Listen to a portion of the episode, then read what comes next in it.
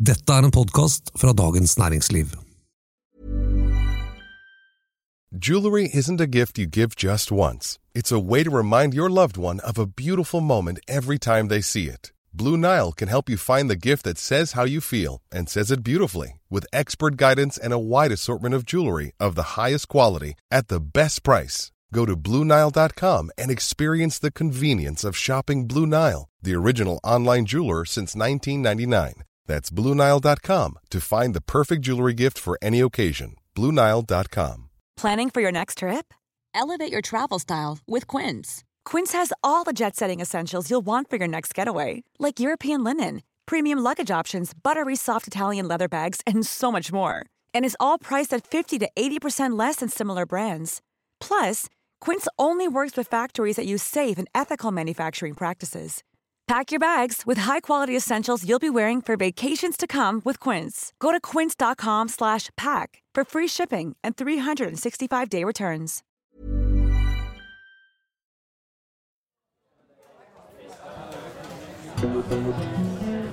Velkommen til DN-teltet her i Arendal og nok en frokost uten filter. I dag eh, med en politiker som står foran en neglebitende valgthriller i Oslo, nemlig byrådsleder Raymond Johansen.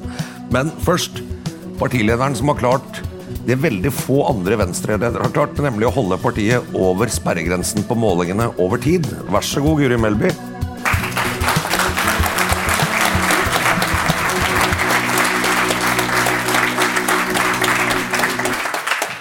Venstre pleier å ligge lavt på målinger, og så gjør de det sånn ganske godt i valg. Nå ligger de høyt på målinger, så da Jeg har tenkt på den. jeg Ja. tenkt på den Ja. Men faktisk så er det mest vanlige for oss å greie å øke oppslutninga med sånn 1-1,5% i en valgkamp. Så når vi starter valgkampen på 5 da i stedet for sånn 1,9, så kan det jo ende riktig godt. Ja. Det kan det. Ja, det kan det. Om ca. tolv timer så står du på scenen på Kulturhuset her eh, og tar fatt på partilederdebatten. Hvem er du mest redd for? Fredrik Solvang eller Sylvi Listhaug? Eh, Heldigvis er jeg ikke redd for noen av dem, men akkurat der og da så betyr det jo mer for meg å være god alliert med Fredrik Solvang. Eh, Det å ha en god kontakt med programlederen og være sikker på at du får ordet. Altså, det er jo den største kampen for lederen av et av de mindre partiene i en partilederdebatt er jo i det hele tatt få ordet. Mm. Så hvis jeg greier det mange nok ganger, så tror jeg nesten jeg må være fornøyd. Kan du røpe noe om hva som blir temaene i partilederdebatten? Ja, det kan jeg vel gjøre, hvis ikke jeg får NRK på nakken, da. Men eh, det er jo en del ting som er litt åpenbart, tenker jeg, ut ifra hva som har vært store debatter egentlig over lengre tid. Eh, helsepolitikk, eh, klima Jeg er ganske sikker på at vi kommer til å bruke litt tid på Melkøya, f.eks. Eh, så det blir nok viktig. Eh, hva skal til for at du er fornøyd med egen innsats i kveld? Nei, altså man har liksom mange mål i en partilederdebatt. Eh, som sagt for meg, eh, Det å få ordet og få lov til å i hele tatt vise fram Venstres politikk er viktigst. Eh, så det at folk som enten da i dag stemmer Venstre, eller alle dem som vurderer å stemme Venstre, at de får et tydeligere inntrykk av hva Venstre vil, med de store utfordringene som vi står overfor, det er mitt hovedmål. Og det er egentlig liksom mitt hovedmål når jeg går på jobb hver dag òg, er å bruke mest mulig tid på det som jeg og Venstre anser som de største utfordringene i vår tid, og bruk mindre tid på det som ikke er like viktig.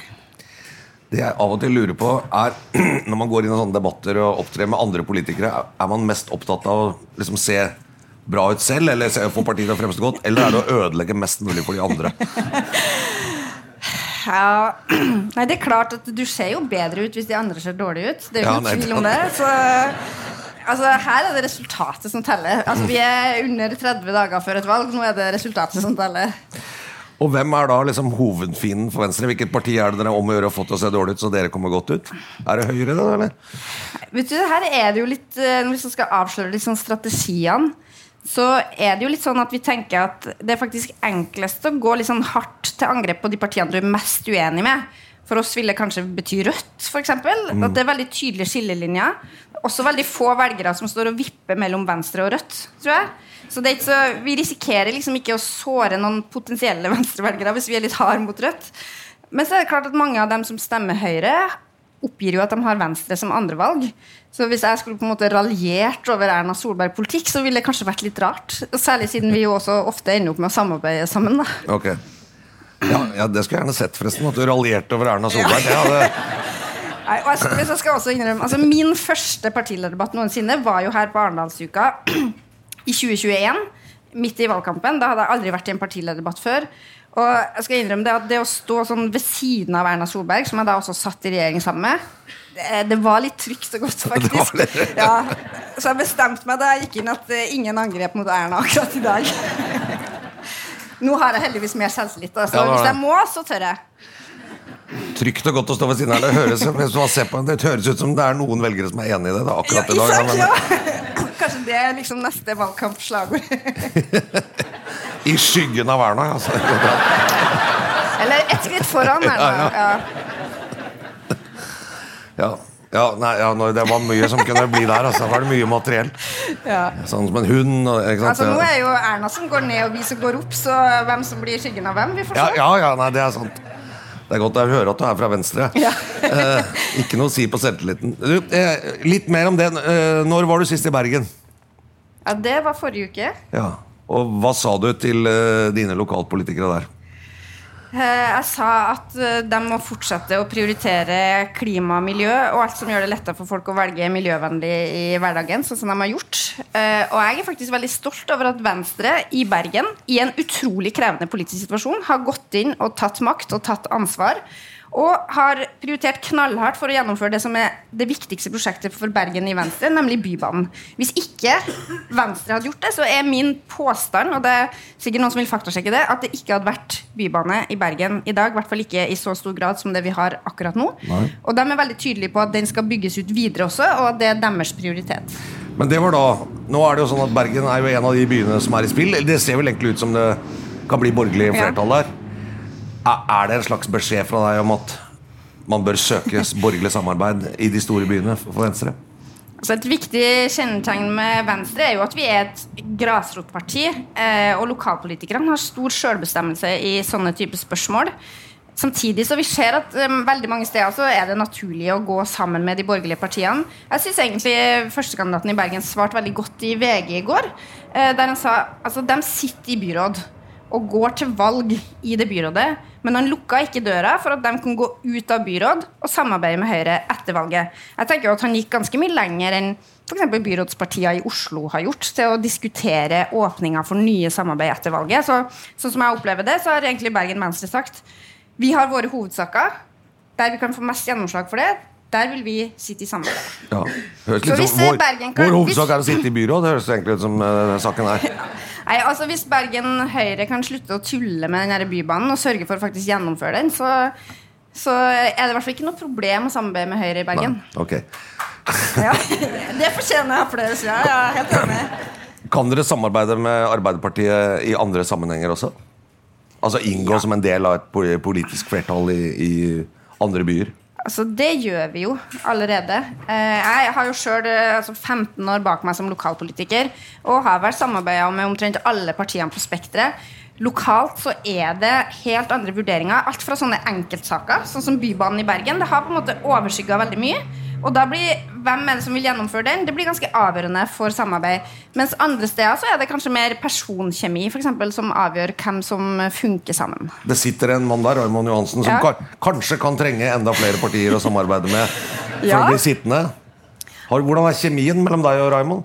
Så Raimond er en av Norges hyggeligste politikere, så det er ikke noe problem å snakke med han. Og Raimond har jo faktisk også inngått ett budsjettforlik med Venstre i løpet av den perioden. her, Var det revidert i fjor? Eh, og Vi i Oslo har jo sagt det underveis i perioden at vi var åpne for å forhandle om budsjett, så det var jo han som valgte å binde seg til Rødt. Jeg mener det ville vært veldig mye mer fornuftig for byrådet i Oslo å heller samarbeide med Venstre og få gjennomslag for en mer nøktern, sentrumsorientert politikk som prioriterer da de store utfordringene. Klima, skole som skaper muligheter for alle, næringsvennlig by og den type politikk som Venstre står for. Men, men betyr det at hvis, vi- hvis man får et borgerlig flertall eh, i Oslo, hvor Venstre er en del av det flertallet, i en vippeposisjon, så kan det faktisk allikevel bli at Raymond Johansen blir sittende, hvis Venstre syns det virker som et bedre byråd? Så det Venstre i Oslo har sagt at det er vår foretrukne byrådskonstellasjon, det er jo et samarbeid med Høyre og MDG. Eh, og det er fordi at noen av de viktigste sakene i Oslo er f.eks. det å prioritere kollektivtrafikk, det å få ned prisene, det å få fortsette å utvikle tilbudet. Og vi opplever at det er de partiene vi får mest igjen for. Men ellers så har vi ikke låst oss til noen ting. Og jeg mener det må egentlig være fair å si til velgerne dere må gi oss altså, Dere må på en måte stemme på den politikken dere eh, foretrekker. Mm. Eh, og så vil jo tyngden av det inn i forhandlinga avgjør hva vi får av politikk, også hva vi får av konstellasjoner. Men jeg tenker at det at partiene er litt åpne og samarbeidsvillige, er bra. da. Ja. Eh. Og så er det jo også spørsmålet hva er liksom borgerlig blokk?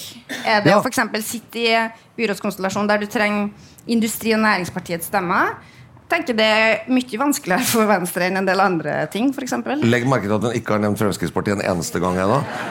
Nei, men det er klart, I Oslo så er vi jo i den situasjonen at Venstre er ca. dobbelt så stort som Frp. Ja. Det gjør det for så vidt også enklere å samarbeide. Eh, for det betyr at vi får betydelig mer gjennomslag enn Frp gjør i en sånn konstellasjon. Og vi har også erfaring. Jeg har sjøl sittet i byrådet i Oslo, der vi inngikk budsjettforlik med Frp. Det de stort sett ville ha penger til, det var mer idrett og mer eldreomsorg. Det greide jeg å leve med. Ja. Og, og, og, her er det sånn at Frp i Oslo faktisk, Nå ble det jo litt rot med han ordførerkandidaten eh, Førstekandidaten de hadde sånn, Men de signaliserte jo et mer moderat og samarbeidsvillig og skal man si litt mer sånn borgerlig innstilt mm. Frp enn det man hadde før i Oslo. gjorde ikke det? Jo, jeg har opplevd at de har vært i den retningen. Og det ser vi jo på samme måte som Frp er veldig forskjellig rundt omkring i landet, så er også Arbeiderpartiet det, Senterpartiet det, Høyre det, også Venstre. Og det vil også gjøre at man får veldig forskjellige konstellasjoner. Bare eh, Tilbake til det du sa om Erna Solberg og Høyre, som dere ofte samarbeider med. Kan, kan liksom fort si, hva, hva, er de viktigste forskjellene mellom Venstre og Høyre? Det er jo ingen tvil om at vi har klimamiljøet mye høyere på dagsordenen enn det Høyre har. Eh, og prioriterer det over en del andre ting eh, veldig ofte. Eh, Venstre har jo også en tydeligere sosial profil og en mer verdiliberal profil enn det Høyre har. Høyre er jo et konservativt parti. Eh, vi er et liberalt parti. Og det viser jo seg i en del konkrete saker som handler kanskje mest av alt om hvor mye vi skal blande oss inn i hvordan folk lever livene sine. Jeg tenker at vi skal prøve å blande oss minst mulig og la folk få mest mulig frihet til å leve livet sitt på den måten de vil. Men i en sak eh, så har du fremstått altså, Man vil nesten sa ganske haukete, som det heter. Eh, det er i utenrikspolitikken. Du har vært veldig tydelig eh, i, i, når det gjelder Norges forhold og støtte til Ukraina. Og her har du vært en av de som har tatt til orde for at vi gjør for lite. Og, eh, da må jeg bare spørre deg, Nå, nå har Stian Jensen riktignok moderert den uttalelsen litt som han kom med her i DN-teltet på tirsdag, men at en fredsløsning kan innebære at noe territorium eh, går over til Russland. Hva, hva tenker du om en sånn løsning? Jeg jeg tenker at det var en ganske uheldig uttalelse eh, fra Jensen, som jo sitter i en sånn type posisjon at man må jo på en måte høre på det han sier også, som stabssjef for Stoltenberg. Vi har hele tida vært tydelige på at eh, altså en avslutning av denne krigen her må være på Ukrainas premisser.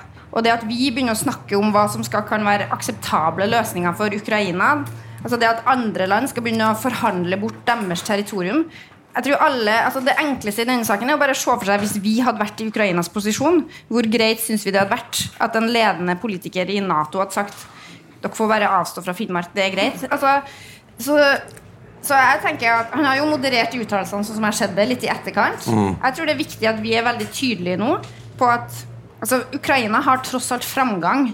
Det går kanskje saktere enn det mange hadde håpa på, inkludert meg sjøl. Men vi ser jo faktisk en situasjon nå der de vinner tilbake territorium fra Russland skritt for skritt. Og det viktigste nå er å være ekstremt tydelig på at altså, vi er med på det her i det lange løp. Eh, vi har tenkt å støtte Ukraina hele veien inn. Eh, det kan ta tid, men det er faktisk det eneste levelige utfallet av denne krigen, er at Ukraina kommer seirende ut av det. Du har jo sittet i regjering, og du har jo vært med i politikken en stund. Eh, er det sånn at du tenker at man, at man var altfor naiv med Russland før dette her? Ja, jeg tenker nok at vi i hvert fall trenger å revurdere den politikken vi har ført overfor Russland. Eh, og naiv Ja, mange av oss har nok på en måte alltid Vi kan jo alltid ønske oss en verden som er annerledes enn den vi lever i. Nå har vi fått veldig mange negative bekreftelser på Russland eh, og hva de er i stand til å gjøre. Og jeg tenker at det må også påvirke vår russlandspolitikk. Vi har jo, det er jo her, det å finne det riktige eh, avveininga mellom avskrekking og beroligelse. Mm. Eh, der vi ser at vi kanskje har vært nærmere beroligelse enn det mange andre land som ligger i nærheten av Russland, har vært. Sånn som Finland, eh, de baltiske landene. det at vi nå legger oss tettere på den politikken som de landene har ført, mener jeg er en sånn debatt som vi trenger å ha i Norge, og som jeg egentlig har savna litt at vi kommer i gang med. fordi at som sagt, altså, Ingenting tyder på at denne krigen er over med det første. Vi kan ikke på en måte lene oss tilbake og tenke at vi bare håper at det blir en normaltilstand snart, sånn at vi kan gå tilbake til sånn som ting var før. Det kommer ikke til å skje. Vi er nødt til å revidere vår russlandspolitikk i takt med det som skjer i verden. Ja, men det du sier om å, å liksom ønske seg ting, og at den verden skal være på den måten, og så liksom utforme politikken for det, er ikke det et grunnleggende dilemma i politikk i det hele tatt? Jo, jo, at det av og til er litt virkelighetsfjernt? Ja, altså, jeg husker en tid i liksom min tidligere år i Unge Venstre der eh, det var liksom ganske sånn sterke innslag av liksom pasifisme og sånn. Ja. Og det er klart at i den ideelle verden så trenger man ikke et forsvar, men eh, verden er veldig langt fra å være ideell. Eh, og vi må på en måte forholde oss til realitetene, du sa jo at altså, jeg er blitt kalt haukete og sånn. Det fins jo verre ting å bli kalt i politikken, så jeg lever med det, altså. Men det har egentlig ikke handla for meg om å være sånn altså, haukete. Kanskje noe man forbinder med litt sånn amerikanere som vil bombe mest mulig og sånn. Ja. Men det her handler egentlig om det jeg sa litt tidlig også, at eh, når jeg går på jobb, så prøver jeg så godt jeg kan å bruke mest tid på det som er det viktigste som skjer her og nå.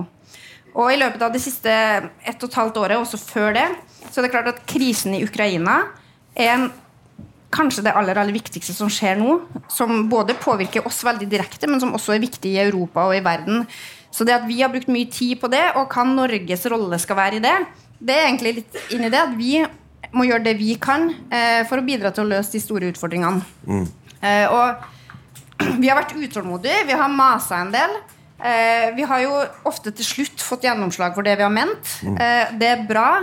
Men jeg må også si at mange ganger så har jeg tenkt at jeg syns det er veldig synd at vi ikke greide å gi den opptreninga til F-16-piloter tidligere. At vi ikke greide å sende de her NASAMS tidligere enn det vi gjorde. Eh, så vi kommer til å fortsette å være utålmodige i den saken. Hvor lenge har du bodd i Oslo? Siden 2011. Hvordan har byen utviklet seg siden 2015, syns du? Det Har blitt bedre, dårligere eller flatt? Nei, jeg syns at den har blitt bedre, ja. Definitivt. Tusen takk.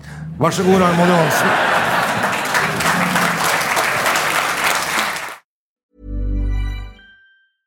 Ready to pop the question? The jewelers at BlueNile.com have got sparkle down to a science with beautiful lab grown diamonds worthy of your most brilliant moments. Their lab grown diamonds are independently graded and guaranteed identical to natural diamonds, and they're ready to ship to your door. Go to BlueNile.com and use promo code LISTEN to get $50 off your purchase of $500 or more. That's code LISTEN at BlueNile.com for $50 off. BlueNile.com code LISTEN. Hey, it's Paige DeSorbo from Giggly Squad. High quality fashion without the price tag. Say hello to Quince. I'm snagging high-end essentials like cozy cashmere sweaters, sleek leather jackets, fine jewelry, and so much more. With Quince being 50 to 80% less than similar brands. And they partner with factories that prioritize safe, ethical, and responsible manufacturing. I love that. Luxury quality within reach. Go to quince.com slash style to get free shipping and 365 day returns on your next order. Quince.com slash style.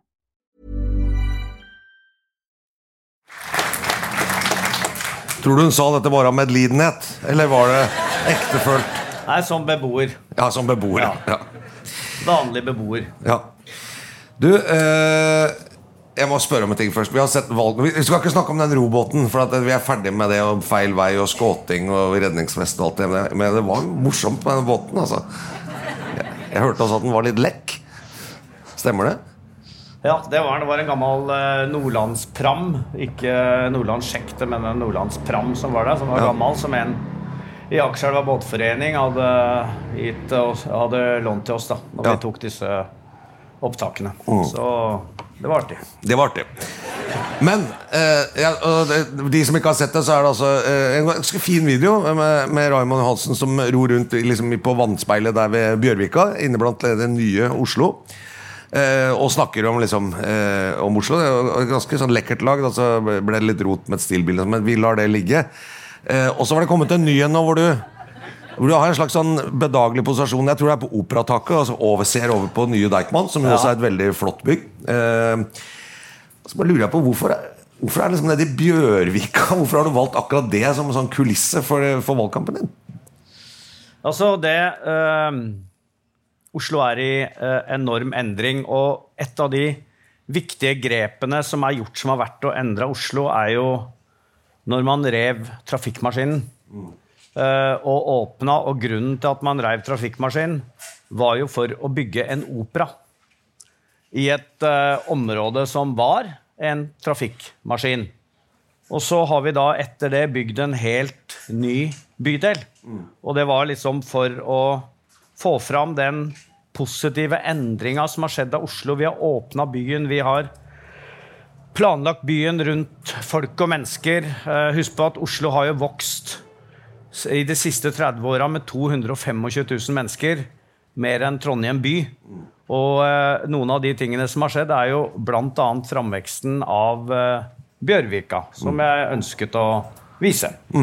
Er det Oslo på sitt fineste, syns du, det som skjer her nede? Det er i hvert fall en del av det nye Oslo. Altså, eh, bare det å åpne opp for bading.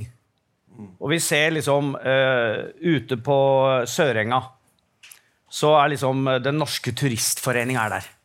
Og hva de gjør nå om sommeren, er bl.a. å leie ut kanoer til veldig mange ungdom som bor i Groruddalen, som kanskje ikke har anledning til å dra på ferie. Og så liksom åpner opp og ror ut til de nærmeste øyene og eh, snakker om eh, planter og kaniner, som det jo er på noen av øyene i nærheten. Men det også indikerer liksom, og viser en del av utviklingen av byen. Vi kunne tatt hvilken som helst plass som eh, nå har eh, blitt overtatt av mennesker som før var parkeringsplasser. Men den store byutviklingen har bl.a. skjedd i Bjørvika. Ja, Og det er populært. Det ser du. Det er, Det er veldig folk populært. Ja, Jeg frekventerer ikke der så mye. Jeg liker meg best i skauen, men det er fordi at jeg er litt sånn ja. litt særere på det området. Du har til og med flytta ut fra Indre by. Ja, er Ja. vi er litt skuffa over det. ja, ja, ja jeg Du drar liksom bare ned for å vise deg fram, det, og så Nei, drar ja, du ut til skauen. Men jeg var 20 år for gammel når jeg flytta ned til sentrum, så okay. jeg måtte hjem igjen. Ja. Vi bodde ganske nær hverandre, rett ved parken som heter Idioten. Bare sånn, jeg, jeg trodde kanskje innimellom altså, at jeg orker ikke liksom, å bo der lenger, men det er, det er nå så. Veldig fint der, da. Eh, du, i går så var Ola Svenneby fra Unge Høyre her, og han satte jo fyr i en av sommerens store debatter. Sa nemlig at han, han frykter at det ikke vi klarer å integrere eh, innvandrere godt nok i Norge. eh, Og at vi kan da få et samfunn som rakner. Og Oslo er jo et av de stedene hvor eh, akkurat liksom denne eh, konflikten eller utfordringene viser seg tydeligst. Områder der han sier at han med sin mannlige kjæreste syns det er vanskelig for eksempel, å gå hånd i hånd. eh, og sånne ting. Har han et poeng, Ola du? Hva var poenget hans, egentlig? Ja, poenget, altså, vi Altså, jeg må bare vite, sånn at jeg prøver å svare presist. Hva var poenget hans? Altså Hvis vi får for mange eh, eh, til Norge Han foreslo at man skulle stoppe innvandring. All innvandring, så blir for mange, så, så klarer vi ikke å integrere dem, for det blir, det blir for mange. Vi klarer ikke å integrere, og da kan vi få et samfunn som går mer opp i liminga. Det var hans frykt. da. Ja. Eh, det er jo en del dører inn til Norge. Eh, er jo, den tradisjonelle innvandringsstoppen er jo der. Vi har jo da uh, fullstendig avhengig av arbeidsinnvandring fra uh, resten av Europa.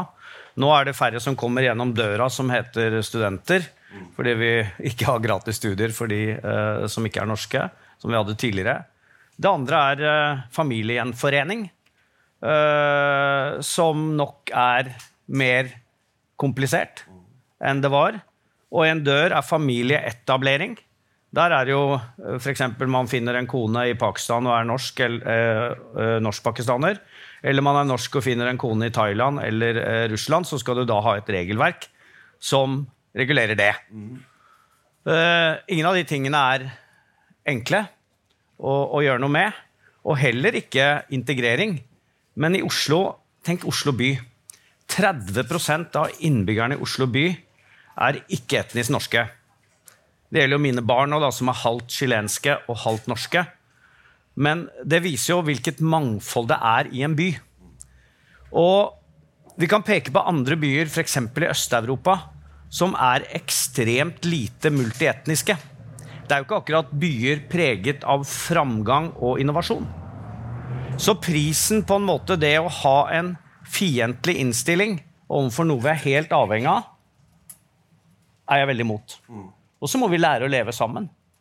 Og det å integrere eh, er jo ikke enkelt. Eh, og det er noe vi eh, jobber med hele, hele tida. Men så er jo også spørsmålet, da Hvor lenge skal du kalle noen innvandrere? Også sånn som I Oslo så bor jo nå tredje generasjon pakistanere, liksom. Og så besteforeldra kom hit. Og så hvor lenge er det de da er pakistanere? Og norsk, norske eller norskpakistanere? Ja.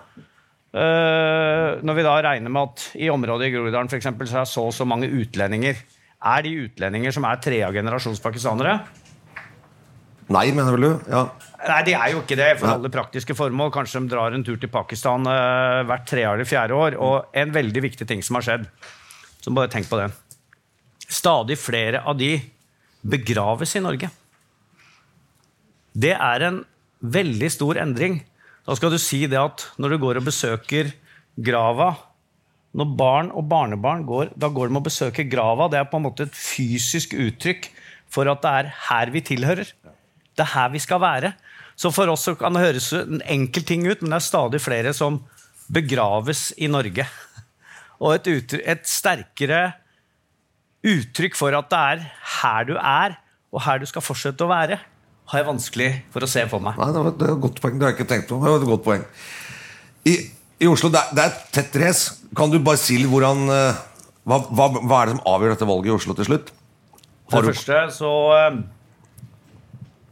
Bare det at det nå begynner å bli oppmerksomhet at det er et valg, og at det er et kommunevalg, og at verken Erna eller Jonas stiller til valg i Oslo, eh, er en viktig saksinformasjon som jeg reiser rundt og kommer med overalt.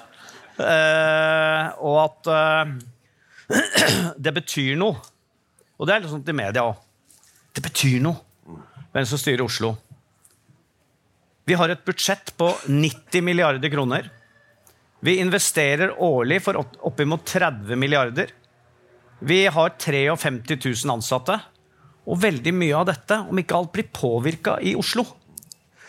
Eh, sånn at uh, dere må se oss i korta og bry oss om hvem som uh, styrer, og få et fokus rundt retningsvalget i Oslo.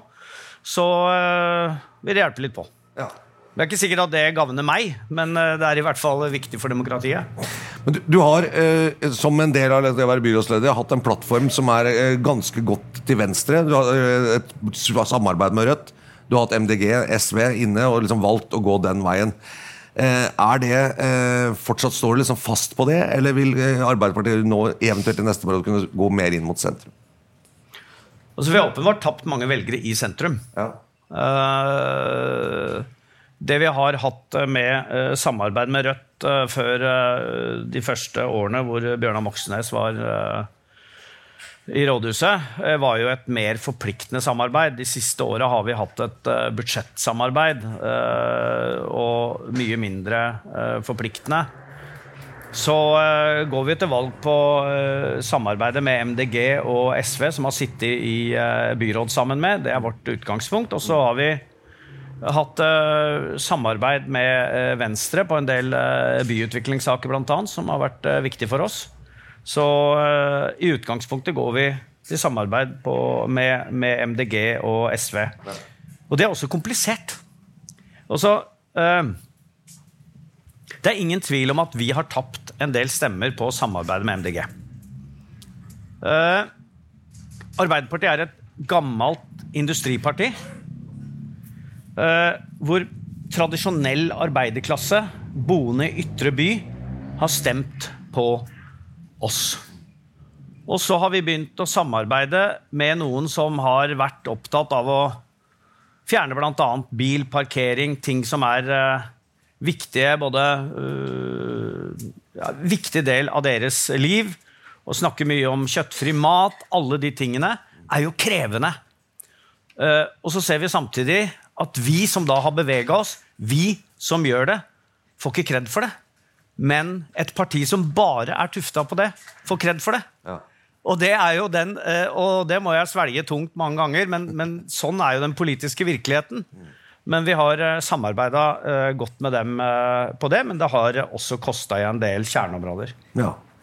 Men, men, er det sånn for at det er viktigere å bli sittende ved makta. Altså, det er ikke så veldig farlig om det går dårlig for, for partiet.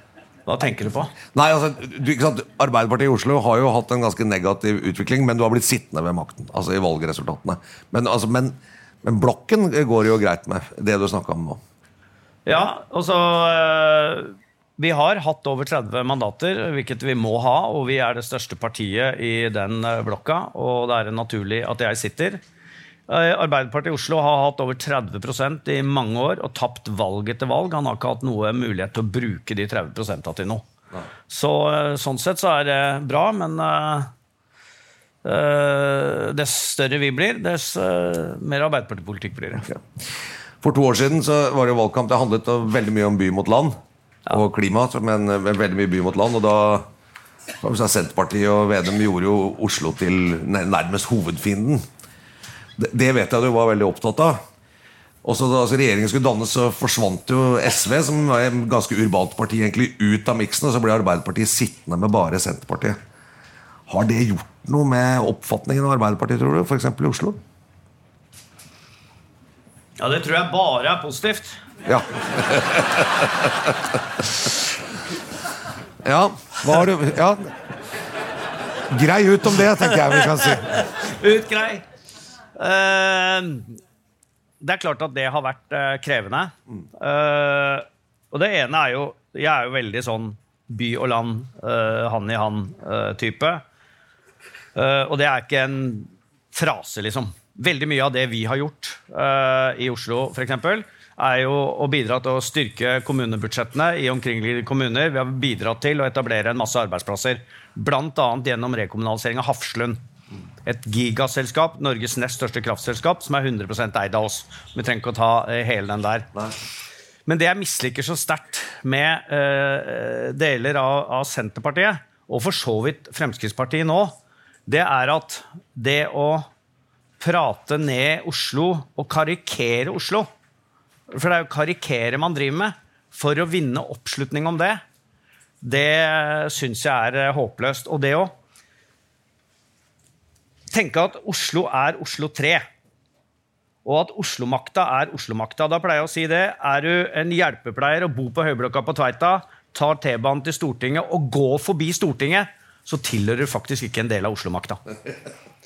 Uh, og det er, uh, det er, den følelsen som uh, jeg syns uh, bl.a. Senterpartiet i, i blant har snakka om, som jeg mener er veldig skadelig. Men det er jo Erna også dreiv jo med det. Og Siv, og vi har folk hos oss sjøl også. Internt i Arbeiderpartiet. Jeg driver med dette hele tida. Altså Det å, å, å, snakke Men det er jo noe av prisen med å være en hovedstad. Og så, eh, så vil jeg ta med meg. Slitsomt. Slitsomt. På slutten her eh, nå, nå, sier Arbeiderpartiet sentralt at målet er å vinne, beholde makta i de store byene. Og så var eh, Kari eh, eh, Nessa Nordtun her på tirsdag. Og så spurte jeg om når hun skulle få besøk av Støre i valgkampen nede i Stavanger. Og da ble hun veldig sånn nølende. Og sa at det visste hun ikke, Så jeg spør deg det samme spørsmålet. Skal du ha noe opptredener med Jonas i Oslo i denne valgkampen? Ja, det er uh, fullt mulig, men vi skal først og fremst gjøre jobben sjøl. Uh, for det er vi som er på valg. Så tar vi det derfra. Det er ikke noen plan? Det er plan A. Det er plan A. okay. Godt valg, Raymond Hansen. Takk Tusen for at du kom. Ja. Veldig bra. Tusen takk.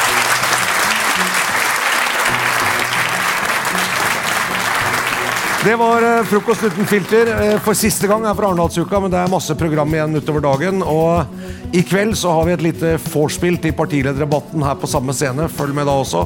Så ses vi. Ha en god dag.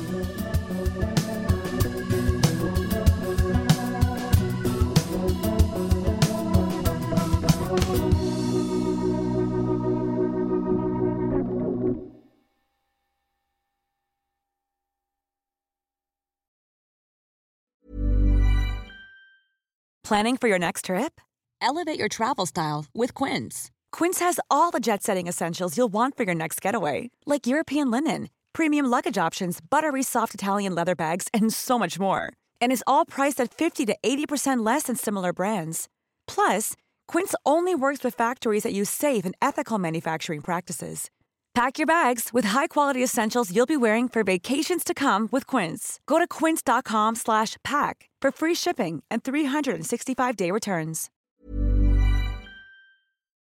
Du har nå hørt en podkast fra Dagens Næringsliv.